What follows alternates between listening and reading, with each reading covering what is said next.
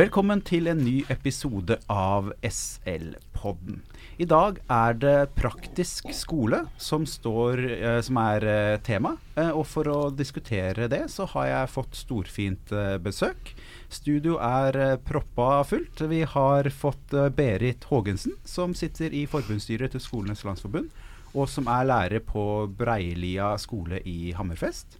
Vi har Henriette Selnes, som også sitter i forbundsstyret i Skolenes landsforbund og jobber i ungdomsskolen. Hun har også skrevet et kapittel i tidligere kunnskapsminister Tonje Brennas bok eh, som heter 'Et lærerperspektiv på den praktiske skolen'. Og så har vi med Liv Sandnes, som jobber i samfunnspolitisk avdeling i LO, hvor du bl.a. jobber med utdanningspolitikk. Velkommen til alle tre. Takk. Takk. Eh, jeg tror vi går til deg eh, først, Liv. Uh, hvorfor tenker du at uh, vi skal ha en mer praktisk skole? Hvorfor er det viktig? Det er egentlig mange grunner til det. Et, kanskje noe av det viktigste er at flere elever kan oppleve mestrings, få mestringsopplevelser i skolen. Og det kan gi lærelyst, og det kan smitte over også på læringa med teoretiske fag. Og vi vet også at det er nær sammenheng mellom det å mestre og helse, så det kan også være positivt for psykisk helse. Det er én grunn. En annen grunn er dette med å motvirke ulikhet i skolen, eller sikre at uh, man uh, får likere muligheter til utdanning. fordi det er litt tendens til at hvis det legges for stor vekt på den teoretiske inngangen til læringen, så er det særlig de som kommer fra hjem hvor du har foreldre som har mye teoretisk utdanning i utgangspunktet, som favoriseres. Um, så, så, det kan gi en bedre balanse og likere mulighet til, til, til læring. Og ja, En tredje grunn kan være dette med det grønne skiftet som vi er inne i. Rett og slett hvor vi er nødt til å forberedes på at vi må bruke gjenbruk av ressurser. så en mer sirkulær økonomi. Og, og, og, da er dette med både sløyd og søm f.eks. Er, er viktig også eh, å lære som en allmennkunnskap. Eh, hvis jeg kan ha et siste argument et til også, eh, så, så, kan man kanskje se det som en også litt motvekt mot dette med måling og testing, som en del har vært kritisk til. Det har vært for mye av i skolen. Eh, fordi Eh, måling, mye måling og testing gjør lett at du favoriserer eller får mer oppmerksomhet knyttet til ferdigheter som lett kan måles. Mens denne mer tause, erfaringsbaserte kunnskapen eh, ikke får like høy prioritet. Men den er veldig viktig eh, både for utviklingen i arbeidslivet og for samfunnet. Og ikke minst i den eh, tiden vi er i nå, med digitalisering, så er eh, vi vet at eh, enkle analytiske oppgaver i større grad vil bli overtatt av maskiner, men denne tause, erfaringsbaserte kunnskapen ikke i like stor grad lar seg erstatte av ny teknologi. Så det gjør det enda viktigere for oss å ta vare på den og videreutvikle den. Og da bør vi starte allerede i skolen. Mm. Henriette, hvordan er det med, med, sløyd og søm i skolen uh, i 2024? Da, Det finnes jo, men ikke i den eh, grad vi ønsker. Eh, for det er en altfor stor ulikhet eh, over landet i forhold til hvilke ressurser om, og hvordan de er altså bygd med med utstyr. Når arbeidslivsfag f.eks. kom inn i skolen, så altså arbeidslivsfag er en kjempegodt tilskudd til norsk skole. Men kjent still så kommer det aldri ressurser med, og så tenker man ikke på at skolebyggene allerede er etablert. Så det er ikke noe rom for de å være. Og da blir de sittende i, i andre linje og håpe på at uh, et spesialrom blir klart så de, de, de kan være der. For uh, nå så er det vel, ja, litt spissa sagt, å sitte med limpistol i et vanlig klasserom er ikke praktisk tilnærming. Men det er det vi har nå. Så du kan ha de store vyene, du kan ha masse eh, positive tanker og ideer, og elevene er kjempegira, men det er ikke fysisk gjennomførbart pga. skolemasse. Tilgang til eh, spesialrom og uh, utstyr generelt. Mm. Og Vi skal litt tilbake til altså, hva, hvordan skal man få det til. Men hva, hva, tenker du er de viktigste grunnene til at man tre altså, Trenger vi en mer praktisk skole? Absolutt. absolutt. Eh, Norge kan jo skilte av å ha et høy kvalitet på fagarbeidere, industri og næringsliv. Det har vi lyst til å ta vare på. Og selv om og da er jeg helt enig med deg at man tenker altså framtidens uh, samfunn med sirkulær økonomi, det kommer. Uh, og uh, enkle oppgaver vil bli overtatt av maskiner, og da er det det å bruke altså gjenbruk og, og, lignende, det tror jeg mer menneskene må stå for. Og da er den derre Altså det å kunne bruke armer og hender Da har jeg lyst til å dra inn en forsker han Brodal. Eh, dette her med, med hånd, eh, hjernekoordinering i forhold til å bare hamre løs på tastatur. Hva det gjør av eh, tankestrategier, tilnærming, problemløsningsinnstillinger. Henda må være mer med, og da får du også for elevene sin del en større trygghet i å tørre å prøve og feile. For det å prøve å feile i matematikk, det gir en større tapsopplevelse enn å hamre en spiker feil i sløyden. Å ja, ja, ja, men da kan jeg bare gjøre det på nytt igjen. Så du trygger eleven, og du gir dem et handlingsrom til at vet du, det er helt ok å ta ett skritt av gangen, kanskje ett skritt tilbake. Og der også har vi jo et skikkelig potensial til å få flere til å holde ut i skolen, og flere som på sikt kan bli gode arbeidere. Mm. Hvordan tenker du en praktisk altså hva, hva, Når vi snakker om praktisk undervisning og praktisk skole, Berit, så, så kan jo det være så mangt. Eh, hva legger du i det begrepet? Eller de begrepene? Nei, jeg tenker at Når vi snakker om praktisk, uansett hva det er, så handler det om å gjøre noe. Uh, og for de fleste elever så tror jeg de tenker at da er det å gjøre noe annet enn å sitte med PC eller med bøker. Så selv om det også er å gjøre noe, uh, så er det nok ikke det de forbinder med ordet å gjøre, eller det verbet der man bruker seg sjøl på et eller annet vis for å skape mm. noe. Og jeg tror det er dit vi må i større grad. Uh, og så er det jo det her at det er jo et vanskelig felt å vurdere. Det, det, det er mye lettere å, regne, å rette den matteprøven og komme frem til at ja, ja, du hadde 22 av 20 riktig, og da ble det en femmer. Uh, mens når du da skal uh, snekre noe, eller om du skal uh, lage noe annet, så er det ikke nødvendigvis målbart i forhold til noen oppsatte kriterier på forhånd. Så det her med å få elevene kanskje mer med til å også lage kriteriene underveis, eh, tenker jo jeg at det absolutt er rom for. Ja, det, Du er inne på noe kjempeviktig. For det er eh, litt sånn øh, som jeg sa i sted òg. Eh, gjør du en feil i matte, så blir det automatisk ned ut ifra de kriteriene. Du blir liksom dratt ned. Mens i en praktisk rettet oppgave så er dette med prosessen med å justere og forstå underveis at her må jeg faktisk gå to skritt tilbake på den handlingsplanen jeg har lagt for at jeg skal få det produktet jeg ønsker, så har du som lærer eh, muligheten til å gi det eh, Altså gi en tilbake, positiv tilbakemelding på det. At her så du at nå hadde du lagd en eh, idé om hva du skulle gjøre. Du begynte, og så så du at dette her knota seg litt underveis. Og det å reflektere rundt den feilen i forhold til prosjektsituasjonen eh, som du kanskje stå i som arbeider på sikt, det er helt ok.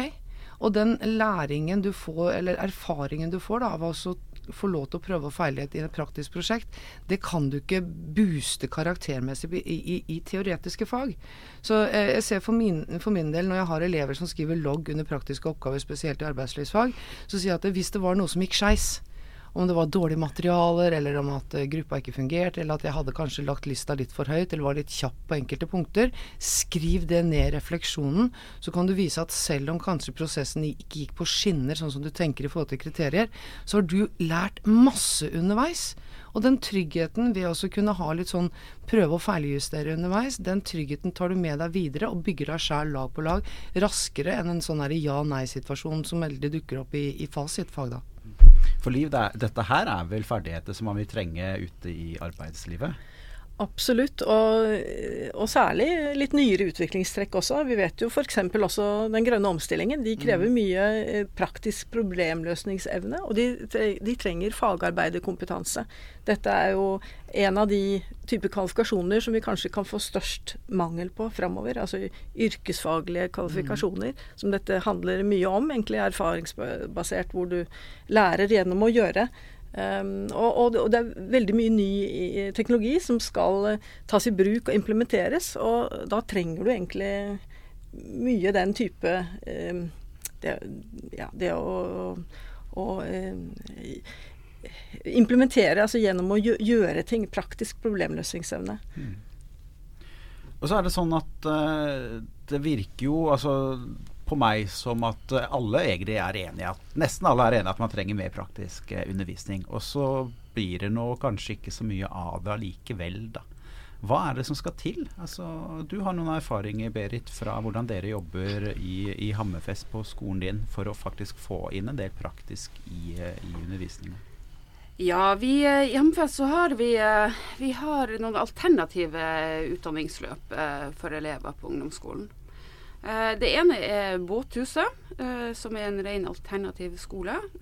Det krever jo da etter de siste ti årsene eh, endringer i lovverket at elevene har et IOP-vedtak som tilsier at de skal ha et sånt tilbud. Dermed så blir jo det ganske begrensa i forhold til hvem man kan ta inn. Og man treffer kanskje heller ikke lenger målgruppa nødvendigvis, sånn som det var tenkt i utgangspunktet. Så for eh, to år siden så oppretta vi en klasse på selve skolen som vi kaller for praksisklassen. Eh, der trenger du ikke enkeltvedtak, for vi avviker ikke fra, fra læreplanverket. Annet enn at vi omdisponerer noe tid. Eh, og det gjør at uh, man tar utgangspunkt i arbeidslivsfaget, så alle elevene som går i den klassen må ha arbeidslivsfag. De kan ikke ha språkfag. Det er et valg de må gjøre på forhånd. Uh, og så blir de da kobla opp til en bedrift, så deler av deres undervisning foregår i bedrift. Og for en del elever så funker det veldig fint. Det gjør faktisk at de kan holde ut de to mattetimene på morgenen den dagen hvis de vet at de får gå på jobb etterpå. Eh, men der også så er det det avhengig av både elevtypene. Ikke alle elever du kan sette sammen i en sånn gruppe og tro at da går det bra uansett, bare fordi at de får være ute på jobb av og til. Eh, og så er det selvfølgelig òg veldig avhengig av lærere og den kompetansen som lærerne innehar. Uh, og vi ser jo det på, på våre skoler at vi er egentlig avhengig av å ha en yrkesfaglig bakgrunn, i hvert fall. Og aller helst skulle vi ha to. Uh, det har, og det har dere ansatt for å Vi var så heldige at vi har en uh, lærer som er mekaniker i bunn, og som har tatt lærerutdanninga seinere. sant? Og så har vi i tillegg så er vi så heldige at vi har en skole som er bygd på 50-tallet. Den ble riktignok ombygd eh, tidlig på 2000-tallet, men vi valgte å beholde en del av de spesialrommene. Så vi har en skole med et eget verksted, bl.a. Uh, og selv om vi fikk litt mindre av de andre uh, spesialrommene som kunst og håndverk og sånt, så har vi tross alt både en sløydsal fortsatt, og vi har en mykformingssal, og vi har et godt utrusta kjøkken og litt sånne type ting. Men jeg tror ikke det er så veldig mange ungdomsskoler lenger som har verksted på skolen, sånn som vi har. Så jeg ser jo at det er en fordel at vi må ha rom for å gjøre de her tingene. Og det er jo rom som ofte, om de på en måte står Musikkrommet kan stå der, men det blir brukt som et vanlig klasserom fordi det er sprengt kapasitet, har jeg hørt uh, veldig mange steder. Du, jeg ser du nikker, Henriette. Er uh... Ja.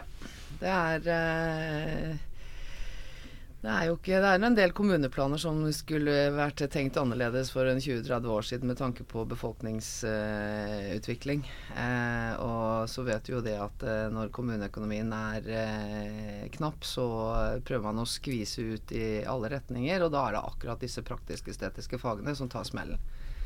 Har man ikke altså, Igjen så blir det den der teoretiske tilnærmingen til praktiske kompetansemål. Den eh, Eh, den er fortvilende. Eh, og det som eh, Berit snakker om med å ha en praksisklasse, det er eh, gull. For det er så mange som allerede vet når de går på ungdomsskolen at de skal ikke på noe studiespes, de skal inn på, på yrkesfag. Og de har allerede litt ideen om hva de liker, kanskje gjennom familie eller opplevelser eh, utenfor skolen. Og har liksom på en måte en tanke i hodet på at dette, dette er retningen jeg skal gå. Og her tror jeg vi har enormt mye å hente ved å eh, tørre å koble på industrien i større grad. Utplassering er et genialt trekk. Mange av disse ungdommene vi snakker om her som er i den målgruppa, har egentlig ingenting å gjøre i den skolebygningen. De, eh, du, du, du, altså du fremprovoserer uønsket atferd. De får et publikum som eh, de da kan eh, trekke veksler på, på godt og vondt. Og så får de det vi kan kalle prospects, noen som kanskje lurer på om de skal dette ned på feil side av den grensa.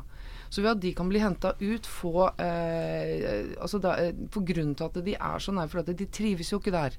Det er ikke noen vonde, farlige, teite, ekle barn der ute. Det er frustrerte, fortvilte barn som ikke finner rollen sin.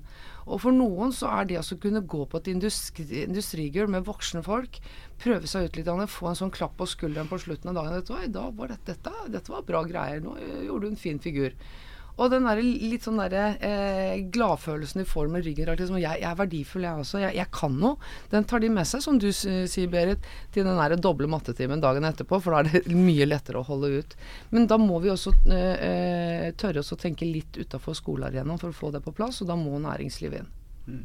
Hva tenker du, Liv? Er det, er det, mulig å få til noe samarbeid? Burde det vært et, større et ut, mer utstrakt samarbeid mellom, eh, mellom næringsliv og skoler? Det tror jeg absolutt. Så det, dette er jo noe vi også jobber aktivt med på egentlig alle nivåer i utdanningssystemet. Um, og, så det er til fordel her i forhold til um, å tilpasse elevene. Men, men, det er også til fordel fordi de skal ut i arbeidslivet etter hvert. Og arbeidslivet er i endring hele tiden, så det å ha tett kontakt, uh, det er absolutt viktig.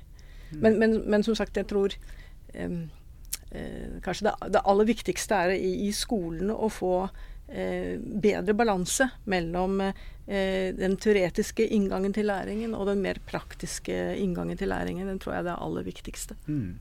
Og der har jo Berit nevnte jo en del eh, forutsetning for at dere har fått det til så bra hos dere med at man hadde romma til det. Eh, og så hadde man lærere som hadde kunnskap og kompetanse til det. Og så har vi jo en lærerutdanning nå som utdanner eh, masterlærere fra universitet. Eh, på hvilken måte er dagens lærere, de som blir utdannet på lærerinstitusjoner i dag, i stand til å drive med praktisk undervisning, eh, Henriette? Ja, godt spørsmål. Jeg skulle ønske jeg hadde noe svar på det, for jeg er bekymra. Eh, Pga. mastersettingen på lærerutdanningen så får du for det, for det første Eh, mindre bredde i utdannelsen din. Eh, du eh, tar eh, så, Sånn som tallene ser ut nå, iallfall, så vil jo de med master gjerne kjøre master på mer de teoretiske fagene. For det er jo da en stepping stone videre ut av skolen, dersom det ikke skulle være eh, interessant for deg i, i lengden. Og de praktiske estetiske fagene blir eh, valgt bort. Og Da kommer vi jo igjen også med at vi får da en eh, lærermasse på sikt som har enda mindre kompetanse på det området enn vi har i dag. Det er et kjempeproblem. Eh, for min egen del så har ikke jeg alltid vært i skolen. Jeg har jobba i både primær-, sekundær- og tertiærnæringer, så jeg har en litt kunnskap om eh, andre steder. Jeg jobba på fiskemottak, jeg jobba på Kårstø, jeg jobba på avfallsanlegg. Så jeg har litt input fra bransjer som uten, altså uten, utenom skolesektoren. Og eh, der tror jeg også at vi, vi, eh, vi, godt kunne vært litt smidigere når det er å få inn, som du sier Berit, altså eh, folk med yrkesfaglig kompetanse som ikke går gjennom akademia. For eh, skal vi få dette her skikkelig opp og gå, så må vi ha folk som vet hva det går i. Mm. Berit, hva tror du om, de som, om lærerutdanninga sånn som den er nå? Jeg tror liksom både, og jeg er jo litt enig med, med Henriette i forhold til at vi, vi, utdanner veldig mye teoretikere. Samtidig så driver jeg jo sjøl og går på et studie nå på Oslo OsloMet i naturfag, og det er veldig praksisretta. Uh, og veldig vekt egentlig på at vi skal gjøre forsøk, både som demoforsøk og som elevforsøk uh, osv. Så, uh, så jeg må innrømme det at jeg har i hvert fall fått litt boost i år, og prøver nå i hvert fall i naturfagstimen å gjøre én praktisk aktivitet hver time, uansett om vi er i klasserom eller om vi er på lab. Uh, og det er fullt mulig. nesten, i hvert fall. Fordi at man er jo fortsatt der at man mangler utstyr, og det er himla lite mm. penger i Skole-Norge. Mm. Eh, og det er jo det samme problemet vi har. Selv om vi har praksisklassen, så ser vi at den klassen må bli veldig stor. Det ideelle hadde vært tolv elever. Vi kjører med 18. Altfor mye, egentlig. Eh, vi ser det at de første årene når vi hadde økonomi til at de kunne bygge egne boder og litt store ting som kunne stå i skolegården, så var det kjempeflott. Og så står man der i dag og vet ikke om han har råd til verken materialer eller spiker eller skruer eller papp til taket, eller hva det nå enn må være. Eh, så, så, det tror jeg er litt av utfordringa uansett. Jeg ser det samme i musikkundervisning. Jeg skjønner egentlig ikke sjøl hvordan man skal gjøre musikk til et teoretisk fag, men jeg ser jo at det på mange måter blir det fordi at man mangler utstyr. Både det teknologiske utstyr som brukes i musikkbransjene i dag, og man mangler også de gode, gamle instrumentene. Og blir noe ødelagt, så er det liksom ødelagt i dag, og det blir ikke erstatta. Så jeg tror at vi har gjort skolen mer teoretisk, både med at man har som Henriette sier, at de nye skolene bygges ikke med spesialrom. Selv ungdomsskoler man begynner å få en tanke om at det ikke er så nøye om man har en sløydsal. Sant? Det, når, det, når den skolen jeg jobber på ble bygd på 50-tallet, så hadde man to. Man hadde en metallsløydsal òg. Fordi at man syntes det var viktig at elevene kunne håndtere metaller og ikke bare trematerialer. Eh, så jeg tror at vi har gått en vei i Norge der vi har eh, begynt eh, litt i feil retning. Vi har tenkt at en skole er først og fremst klasserom. Og teoretisk undervisning. Og de aller fleste skolene i dag har vel både smartboard og datatilganger og alle de her tingene. Men med en gang vi skal ut og gjøre noe, så står vi egentlig med to tomme hender. og ja, Vi skal f.eks. gjøre en flammeprøve av saltet, og det eneste saltet vi har, det er natriumklorid. Da, da, blir det deretter. Da får vi en gul flamme og ikke noe annet. Jeg tror jeg kan stoppe der. Ja. Så har vi nå en regjering som har sagt at de skal satse på, på praktisk, den praktiske skolen, og har en pott på 127 millioner eh, kroner som skal deles ut. Uh, så kan man jo diskutere om det er nok, da, men 127 millioner er vel mer enn en null eh, kroner. Så, så, kanskje kommer det litt midler til, det, til dere, Berit? Jo da, vi håper jo det. Og, men vi er jo litt spent på hvordan innretninga på de midlene blir, og hvordan søkerkriteriene blir, og hvordan rapportkriteriene blir, osv. osv. Mm. For det syns jeg det har vært veldig stilt om. Vi har jo også litt erfaring med at det blir eh, satt av midler til bestemte ting i skolen, og så glemmer man å øremerke dem. Det er altså, ikke, altså du, du, eh, Skal du ha eh, ressurser som skal være knytta til bestemte ting i skolen, sånn som dette her med de 120 millionene i potten til noe praktisk, så må du også sørge for at uh, kommunene som da eventuelt får disse pengene, ikke kan bruke dem til noe annet. Så du må være beinhard i tildelingen og kriteriene. Jeg har jo lest at skulle da, de skulle øremerkes, men hvis man deler ut alle disse millionene på samtlige skoler, så er det to sløydbenker eh, totalt det blir per skole. Så, så, ja, man må jo se hvordan det brukes. da. For, for håper ikke alle skolene trenger nye sløydbenker, for da, da blir det trått. Eh, sånn, eh, sånn, avslutningsvis, eh, Liv. Eh, det er klart at uh, Berit og, og, Henriette de er jo med i Skolenes landsforbund, så det er klart at de er opptatt av, av skole. Hvor, hvorfor er dette så viktig for LO? Ja, eh, utdanning eh, er veldig viktig for veldig mange ting vi har mål om. Det er ikke minst i forhold til eh, det, jobb nummer én, å få alle i arbeid. Og da må vi ha et godt utdanningssystem. Og da må vi ha et utdanningssystem som tilpasser de kvalifikasjonene som arbeidslivet har behov for framover. Ehm, eh, og selvfølgelig, vi har jo mål i forhold til rettferdig fordeling, at alle skal ha like muligheter osv. Og, så og utdanningssystemet er kjempeviktig, og ikke minst eh, i grunnskolen på det.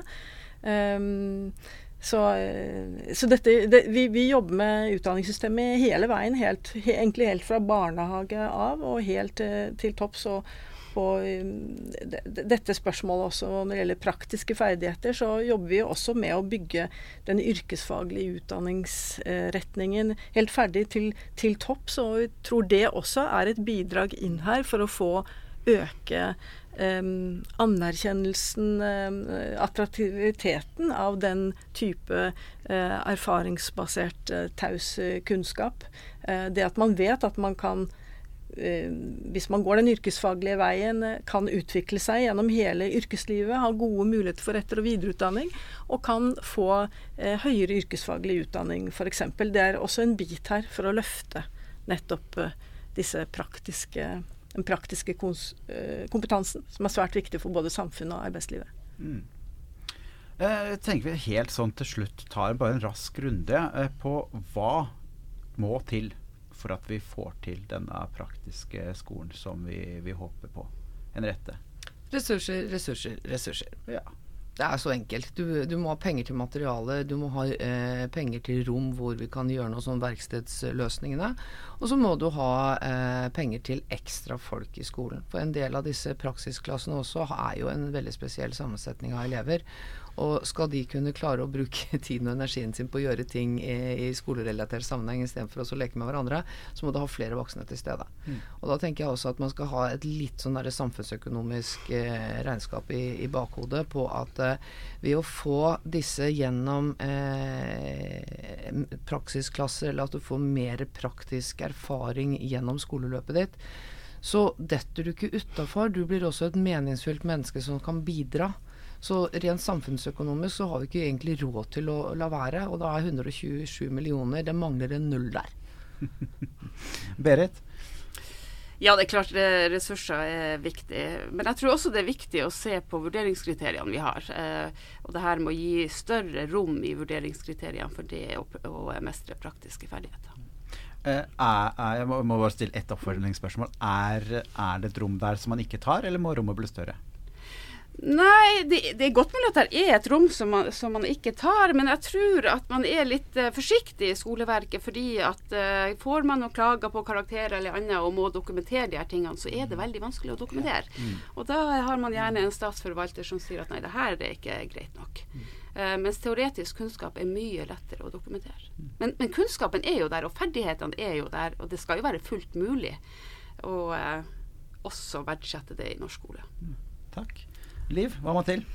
Ja, nå er det jo sagt uh, mye viktig som jeg, jeg er enig i. Jeg tror, men jeg tror nok også vi bør fortsette med å argumentere for uh, hvorfor uh, det er viktig. For selv om mange snakker om det nå, så er jeg litt usikker på hvor dypt det mm. stikker. Mm. Mm. så argumentasjonen tror jeg, tror jeg vi, må, vi, vi, må, fortsette med også. Mm.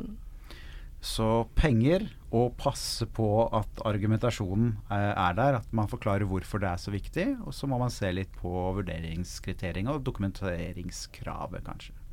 Tusen hjertelig takk eh, for at dere tok dere tid til å være med. Og så skal vi se da om eh, vi kan sitte her om et par år og at det har blitt 1-0 til eh, i, i, potten som skal deles ut, Henriette. Vi får håpe på det. Ja. Det er, lov, det er lov å håpe. Ja. Eh, tusen takk til alle som har hørt på. Og så er det bare å abonnere på SL-podden der dere hører på podkast. Tusen takk.